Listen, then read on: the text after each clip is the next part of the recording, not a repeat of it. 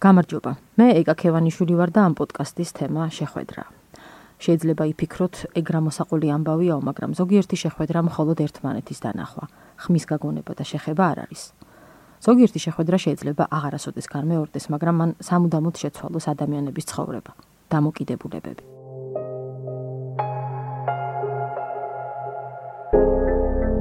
ეს არის 60 დეციბელი. ადამიანური სალაპარაკო ენით მოთხრობილი მნიშვნელოვანი ამბები. 60 დეციბელი. გიყვებით ქართველი და აფხაზი მწერალი ქალების შეხვედრაზე. ჯერ პირისპირ, ცოცხლად, შემდეგ კი წიგნში, რომელსაც ასეც ქვია, შეხვედრა. ამ კრებულმა აფხაზეთის ომის დასრულებიდან 30 წლის შემდეგ დაწერილი მოთხრობები გააერთიანა. პირველი წიგნია, რომელიც ქართულ და აფხაზურ ენებზე გამოვიდა. თან იცით რა არის საინტერესო? ამ წერლების უმრავლესობას ეს ომი არც უნახავს. ისინი ომის შემდეგ დაიბადნენ. ეს ძალიან იშვიათი ამბავია. ერთ წიგნში, ერთმანეთის გვერდით ავტორების ჩამონათვალში ამოიკითხოთ ქართული და აფხაზური გვარები. დიანა ანფიმიადი და ასტან და არძიმბა, ნინი ბატიაშვილი და შაზინა ბგამბა, თამარ გეგეშიძე და ნინა ეშსაუ, ეკატერინე ტოგონიძე და სირმა ფაჩულია. ვცდილობ წარმოვიდგინო როგორი იყო მათი პირველი პირისპირ შეხვედრა. როცა იცი რომ საბოლოო მიზანი ახალი ციგნის დაბადება, საბაბი ლიტერატურა, მაგრამ თან იმასაც მკაფიოდ გრძნობ, რომ ამ შეხვედრას აქვს სხვა მიზანიც. ერთმანეთის ხელახლა გაცნობის, მიახლოების, გადაკვეთის წერტილების პოვნის. ალბათ ცნობის მოყარეობასთან ერთად თავიდან დაძაბულობაც იქნებოდა. თუ სიფრთხილე. ყოველდღე ხომ არ ხვდები აფხაზ მწერლებს. ალბათ აფხაზებიც ასე ფიქრობდნენ, არ ვიცი. ყველამ ვიცოდით რომ სულ რამდენიმე დღე გვაქვს ერთად გასატარებელი და შეიძლება მე რა კიდე ძალიან ბევრი წელი გავიდეს და ერთმანეთი ვერ ვნახოთ და ამან ალბათ კიდე უფრო სხვანაირად აწია ტემპერატურა და ერთმანეთს რო შორდებოდით უკვე გვეჩვენებოდა რომ ბავშვობის მეგობრები ვართ. მითხრა კრებულის ერთ-ერთმა ავტორმა ეკატერინე ტოგონიძემ. ციგნის ყდაზე თათიან ადარეიშვილის ილუსტრაცია. ქვიშიან სანაპიროს ორი გოგო მიუყვება. ერთმანეთს შეხურებენ, გონი ლაპარაკობენ. ზურგს უკან მათი ნაფეხურები რჩება. მათგან ორნაბიჯში კამკამა, წყნარი ზღვა.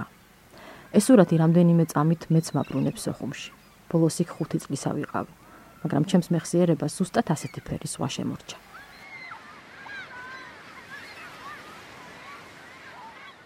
თუ მკითხავთ, მაინც რაზია ეს ციგნი? ჯერ სოხუმელი მეგობრების და კოლეგების, წერლების, ქართველი გურამოდი შარიას და აფხაზი დაურნაჭყებიას სიტყვებით გიპასუხებთ. რომ ეს ციგნი ომის დაძლევაზეა, ბოროტების დაძლევაზე. მე კი მეც დავამატებ. ეს ციგნი ერთ დღეს ცვლილებების შესაძლებლობაზეცაა. გულწრფელად რომ თქვა ეს შემთხვევა, როცა ის უფრო მაინტერესებდა რა დაწერეს და არა როგორ. განსაკუთრებით კი აფხაზმა მწერლებმა, რადგან ქართველი მწერლების ამბები თითქოს უფრო მეცნობა, შეგრძნებებიც გამომიცდია. ჩვენს ბავშვობას ამომზე ერთი მეხსიერება აქვს. ისიც მართალია, რომ თლად ომზეც არ ყვებიან, მაგრამ მე როგორც მკითხველი სტრიქონებს შორის მაინც იმას დავეძებ, რისი მოყოლაც ამ ომის შემდეგ ამ წერლებს მკითხველისთვის და მგონი ერთმანეთისთვისაც მოუნდათ. ვცდილობ მივაყურადო, დავინახო, მეც გამოვცადო, გავიგო, გავიხსენო.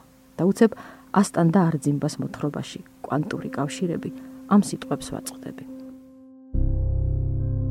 სკოლაში გვასწავლიდნენ, რომ ომი მოვიგეთ, დავიბრუნეთ თავისუფლება და დამოუკიდებლობა. ჩვენ ვართ გამარჯვებულები. ჩემთვის ეს იყო ყველა ოლიმპიადა ერთდროულად რომ მოგვეგო იმის ტოლფასი. ძალიან მამაყობდი, მაგრამ ასაკის მატებასთან ერთად ჩემი აღფრთოვანება იქლებდა. თუმცა ჩემი რესპონდენტები გამარჯვების დღისთვის ან სამხედრო თარიღებისთვის მომზადებულ რეპორტაჟებში ისევ მჭერმეტყველურად საუბრობდნენ ჩვენი ხალხის გმირობასა და გამბედაობაზე. ათასობით ვაჟისა და ქალიშვილის სიცოცხლის ფასად მოპოვებულ თავისუფლებაზე. მე კი ისეთი დეტალები გავიგე ომისა და მისი შედეგების შესახებ, რისი გაგებაც არასდროს მინდოდა. შეიძლება არ ველოდი ასეთ პირდაპირობას. ან იქნებ стереოტიპული წარმოდგენა მქონდა იმაზე, რომ აფხაზი მწერლები ასეღიად არ დაწერდნენ თავიანთ შეგრძნებებზე ამ ომის და ჩვენს მიმართ. ვაგრძელებ. დედამ უმცროს შულს ნათლიის პატივსაცემად დაარქვა გოგი. ყველას გონია, რომ ჟორაბაბუას პატივსაცემად, მაგრამ ეს მისი ეშმაკური გათვლა იყო. გოგიმ აფხაზეთი უღელტეხილით დატოვა და სხვა ათასობით ქართველთან ერთად, რომლებიც ცდილობდნენ სოხუმში მიმავალი აფხაზეთის არმიისგან თავის დაღწევას. ერთხელ მან ძველ ბინაში დაგვირეკა. ბინის ახალმა მეპატრონეებმა უთხრეს, რომ იქ აღარ ცხოვრობდით და არც უფიქრიათ ნომერი გამოერთმიათ, სადაც მასთან დაკავშირება შევძლებდით. გოგი მიფიქრა, რომ არ მინდოდა მასთან საუბარი, რომ არ მინდოდა მისი ცნობა. დარდობდა მერე დედა. ის მას მთელი ცხოვრება ენატრებოდა.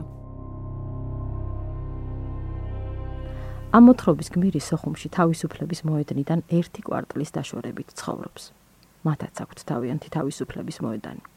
და ის გვიყვება, როგორც ევდიანად გადმოხურებდა მის სახლს ყოფილი მინისტრთა საბჭოს გადამწვარი 12 სართულიანი შენობა, რომელიც დღესაც იქ დგას. გახსოვთ ეს შენობა, უпростоრედ ეს კადრი, რომელიც აფხაზეთის ომის ერთ-ერთი მთავარი სურათია.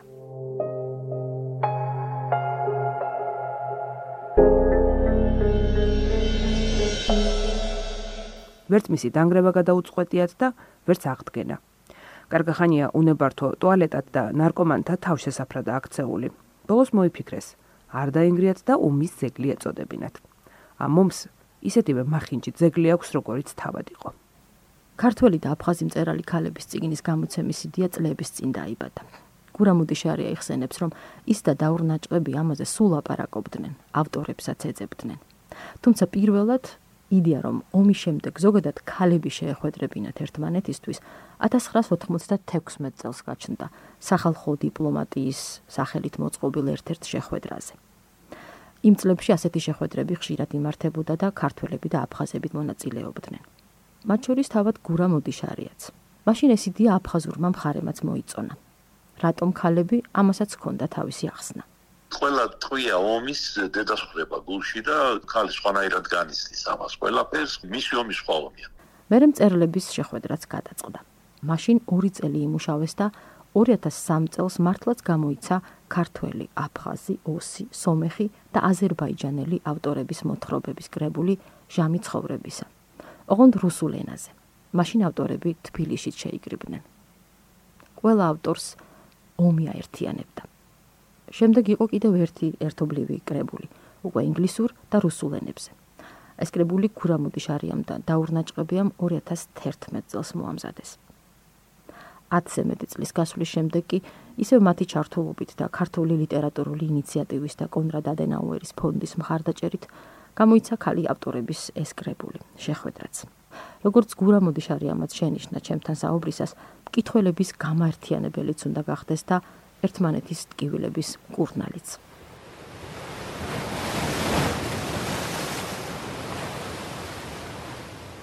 აკი ერთი ნაწყვეტი უნდა გავიხსენო ნინი ბატიაშვილის მოთხრობა დღიურიდან მიფრინავენ თოლიები. 1999 წლის 20 ივლისი.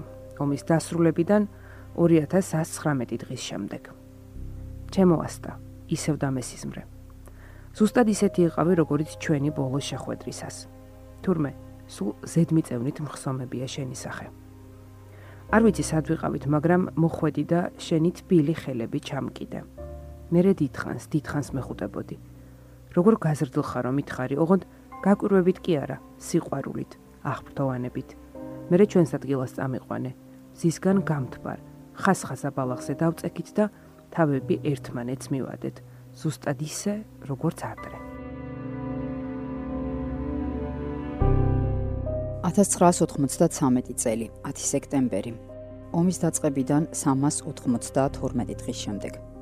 სკოლაში სიარული გაუსაძლისი გახდა. დაძაბული მასწავლებლები ნებისმიერ ხმაზე კრთებიან და მერე ვეღარაფრით იხსენებენ, რა ზელაპარაკობდნენ. ჩვენი კლასელების ლამის ნახევარს მშობლები გაკვეთილზე არ უშვებენ.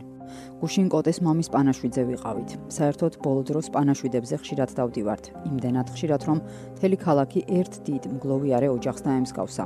ადგურის ადგილსამყოფელის შესახებ კლავაც არაფერი ისმის. ასტა ამბობს ბოლოს ტყვარჩელში გამოიძახესო. ამ ციგნის ბოლოში ავტორების მიერ ერთმანეთისგან აღებულ ინტერვიუებსაც იპოვით. საიდანაც გაიგებთ რომ ასტან და არძიმბას დილა და გაზაფხული უყარს. კითხვაზე სადი ცხოვრებდა, თავად რომ ირჩევდეს, ასე პასუხობს: სოხუმში, ჩემს სახლში, რომლის ფანჯრებიც სხვას გადახურებს. შეიტყვით, რომ სირმაფაჩულიას ყველაზე ხშირად ისეთ ამბებზე უნდა წერა, რომელშიც თავადაც მონაწილეობს. ჩემი თვალით დანახულ ისტორიებზეო. შაზინა ბგამბასთან ყველაზე ახლოს დგანან თურმე აფხაზი მწერლების: ალექსა გოგუას, შალოდია აჯინჯალის, ნელი თარბას ნაწარმოებებიდან ქალი პერსონაჟები. ცოტათი ყველა გავიცანი. შეხვედრის პრეზენტაცია თბილისში უკვე გამართა. ამ შეხვედრას ცხადია აკლდნენ აფხაზი ავტორები. თავიდან მაინც ველოდით, რომ სოხუმიდან დაურ ნაჭყებია შეძლებდა ონლაინ ჩართვას, მაგრამ ვერ მოხერხდა. თუმცა აფხაზმა მწერელმა ქალებმა წერილი გამოგზავნეს. და იცით რას წერდნენ მასში? პატარა ნაწყვეტს წაგიკითხავთ. ჩვენ ყველანი მომსწრენი ვიყავით შეხვედრების მაგიის. როდესაც ერთმანეთისთვის თითქმის უცნობი ადამიანები უდიდესი ინტერესით საუბრობენ საათობით და უეცრად ახლობლები და ძვირფასები ხდებიან ერთმანეთისთვის. როცა ყველა მოთხრობა ჩავიკითხე და წიგნი დავხურე, მეც მქონდა ამ სიახლოვის განცდა. რაღაც ძალიან მშობლიურთან მიახლოების და დაშვების, რომ შეხვედრა მართლა შესაძლებელია. და ბოლოს ამ წიგნის ყველა მკითხველი ალბათ მაინც თავის სიტყვებს იპოვის. მე კი ამ პოდკასტს ნინა ეშსაუს თალიდან ერთი ნაწყვეტით დავასრულებ და კიდევ ერთხელ წარმოვიდგენ დათოვლილ სოხუმს. თან ზამთარიც მოვიდა. თოვლი ფარავდა სოხუმს და დნებოდა. და ისევ ფარავდა პალმებსა და კვიპაროსებს, მიმოზებსა და აყვავებულ ალუბლებს, აგავებსა და სევდიან ევკალიპტებს.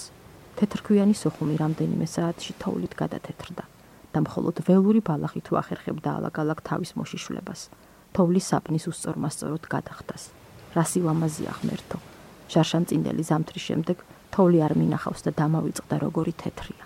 ახტაცებისგან თალის მკერდში მოუჭირა. ზოგჯერ სიხარული გულზე ისეთივე ძალით გიჭერს, როგორც ტკივილი. თითქოს თოვლმა დროსაც აჯობა. ხის საათი ჯერ კიდევ პირველ საათს აჩვენებდა.